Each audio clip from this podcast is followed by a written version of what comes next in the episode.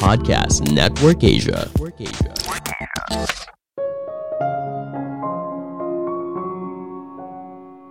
Hidup yang bahagia tidak berasal dari pilihan yang mudah, tapi dari pilihan sulit yang kita ambil setiap harinya.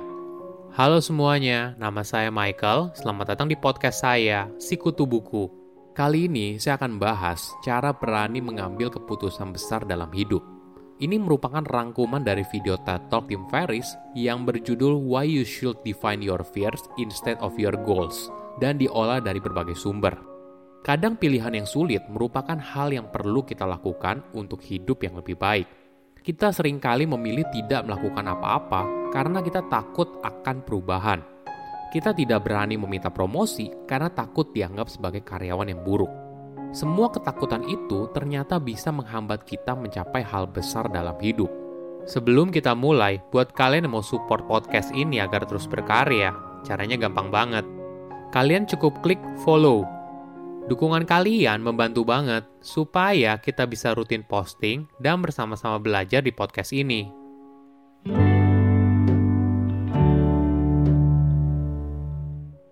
Apakah kamu berani mengambil keputusan hidup yang besar atau memilih hidup mengalir saja?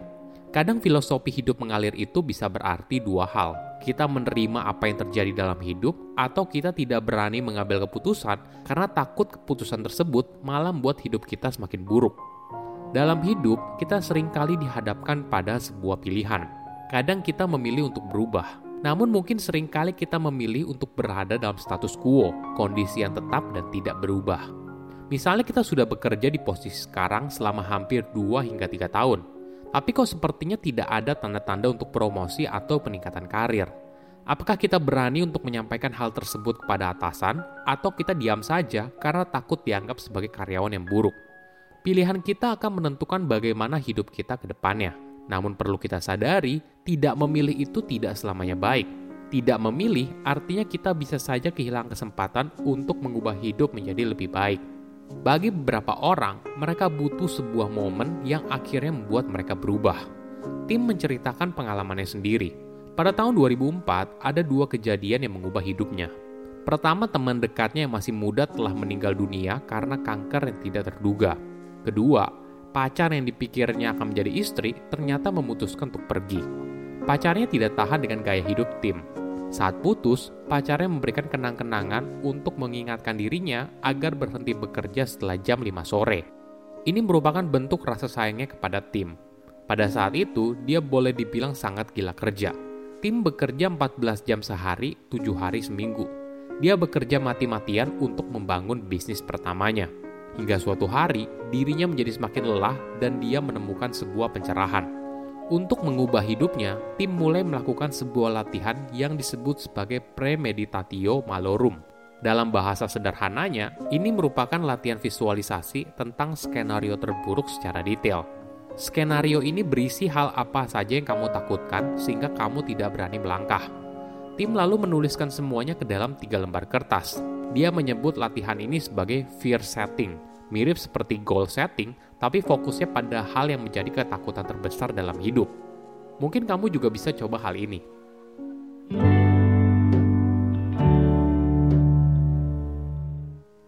Di halaman pertama, kamu menuliskan soal what if. Bagaimana jika bla bla bla. Tuliskan semua hal yang buat kamu takut, hal yang buat kamu cemas, dan sebagainya. Bisa saja isinya soal mengajak orang lain untuk kencan, meminta promosi jabatan, mengundurkan diri, dan sebagainya. Bagi tim, ini adalah soal rencana liburan setelah 4 tahun bekerja tanpa libur. Liburan ini akan digunakan untuk keluar dari bisnisnya selama sebulan untuk pergi ke London. Di kolom pertama adalah kolom define. Tuliskan semua hal buruk yang mungkin terjadi apabila kamu mengambil keputusan tersebut. Mungkin kamu bisa menuliskan 10 hingga 20 hal. Misalnya bagi tim, dia menuliskan bagaimana jika dia pergi ke London tapi cuacanya buruk, hujan terus-menerus. Hal ini membuat dia jadi kesal dan semua hal tersebut jadi sia-sia. Nah, di kolom kedua merupakan kolom prevent. Di kolom itu tulis semua jawabannya. Apa yang bisa kamu lakukan untuk mencegah hal yang kamu tulis di kolom define menjadi kenyataan? Atau setidaknya mengurangi kemungkinan hal tersebut menjadi kenyataan. Kembali ke contoh London tadi. Tim bisa saja menggunakan cahaya biru portable untuk membuat dirinya menjadi lebih baik sehingga tidak depresi. Terakhir adalah kolom repair. Jika skenario terburuk kamu terwujud, apa yang dapat kamu lakukan untuk meminimalisir dampak kerugian tersebut? Atau setidaknya, siapa yang bisa kamu minta bantuan untuk menyelesaikan masalah tersebut? Dalam kasus London, tim bisa saja pergi ke kota lain atau wilayah lain yang cuacanya lebih baik. Itu adalah halaman pertama. Di halaman kedua, tulis semua keuntungan apabila kamu berani mencoba atau setidaknya apa yang kamu inginkan berhasil. Terakhir di halaman ketiga, ini yang paling penting. Harga apabila kamu tidak melakukan apa-apa.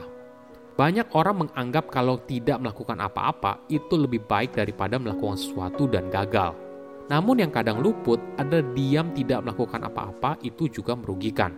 Misalnya kamu tidak mencoba hal baru, tidak berani meminta kenaikan jabatan, tidak mencoba mencari peluang kerja di tempat lain. Bagaimana hidup kamu setahun ke depan, tiga tahun ke depan? Coba tuliskan secara detail dalam hal emosional, keuangan, dan fisik. Ketika tim melakukan hal ini, dia baru kaget atas kondisinya saat itu. Dia dalam pengaruh obat-obatan karena sering mengalami stres yang tinggi. Bisnisnya juga berada di ujung tanduk. Hubungan percintaan yang gagal, tim juga sadar kalau dia tidak melakukan apa-apa bukanlah pilihan yang bijak. Tiga halaman itu membantu dia untuk memantapkan pilihannya mengambil liburan panjang ke London. Ketika dijalani, skenario terburuk yang awalnya ditulis ternyata tidak kejadian. Tim akhirnya memperpanjang perjalanan tersebut hingga satu setengah tahun untuk berkeliling dunia dan kemudian menjadi penulis buku.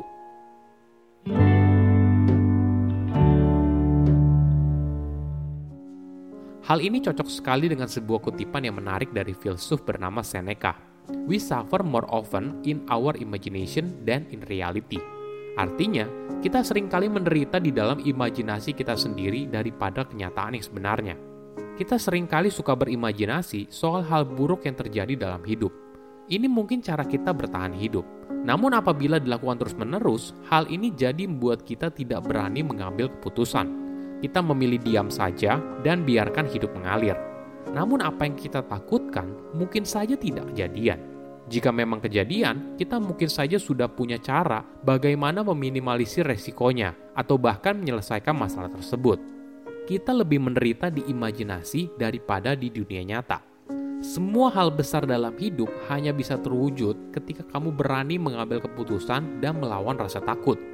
Tim mengutip salah satu panutan yang bernama Jersey Gregorek Jersey merupakan juara empat kali angkat besi dalam Olimpik, penyair, dan sebagainya. Mantra Jersey dalam menjalani hidup sangat menarik. Mungkin juga bisa kamu praktekkan. Easy choices, hard life. Hard choices, easy life. Artinya, membuat pilihan yang mudah, maka hidup kamu akan sulit. Sebaliknya, membuat pilihan yang sulit, maka hidup kamu akan mudah. Kutipan ini sangat mengena sekali bagi saya Pilihan yang sulit seperti makan sehat setiap hari, olahraga rutin, memutuskan untuk resign dari tempat kerja yang toksik, dan sebagainya memang tidak mudah. Kebanyakan orang memilih untuk mengikuti arus saja tanpa berani mengambil keputusan tersebut. Namun ketika kamu berani mengambil keputusan sulit, maka kamu akan menjalani hidup jadi lebih mudah. Misalnya hidup sehat karena olahraga rutin dan makan sehat, stres yang rendah dan motivasi kerja tinggi setelah keluar dari lingkungan kerja yang toksik dan sebagainya. Oke, apa kesimpulannya? Pertama, tidak mengambil keputusan bukanlah pilihan yang bijak. Seringkali kita takut mengambil keputusan besar karena memilih untuk cari aman. Namun perlu kita sadari, tidak memilih itu tidak selamanya baik. Tidak memilih artinya kita bisa saja kehilangan kesempatan untuk mengubah hidup menjadi lebih baik. Kedua, pilihan yang sulit, maka hidup kamu akan mudah. Hidup yang bahagia tidak berasal dari pilihan yang mudah, tapi dari pilihan yang sulit. Apabila kamu ingin punya uang banyak, tubuh yang sehat, otak yang cerdas, semua ini tidak didapatkan dari pilihan yang mudah, tapi dari pilihan sulit yang kamu putuskan setiap harinya. Ketiga, kita sering kali menderita dalam imajinasi kita sendiri daripada kenyataan yang sebenarnya. Kita sering kali suka berimajinasi soal hal buruk yang terjadi dalam hidup, Mungkin ini adalah cara kita untuk bertahan hidup.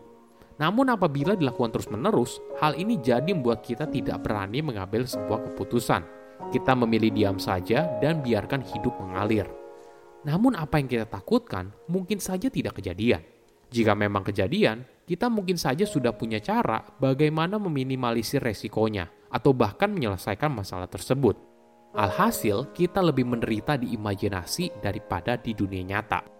Silahkan komen di kolom komentar pelajaran apa yang kalian dapat ketika tahu informasi ini. Selain itu, komen juga mau tahu informasi apa lagi yang saya review di video berikutnya. Saya undur diri, jangan lupa follow podcast Sikutu Buku. Bye-bye.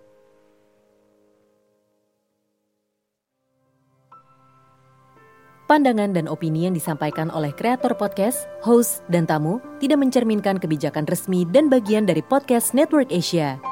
Setiap konten yang disampaikan mereka di dalam podcast adalah opini mereka sendiri dan tidak bermaksud untuk merugikan agama, grup etnik, perkumpulan, organisasi, perusahaan, perorangan, atau siapa pun dan apa pun.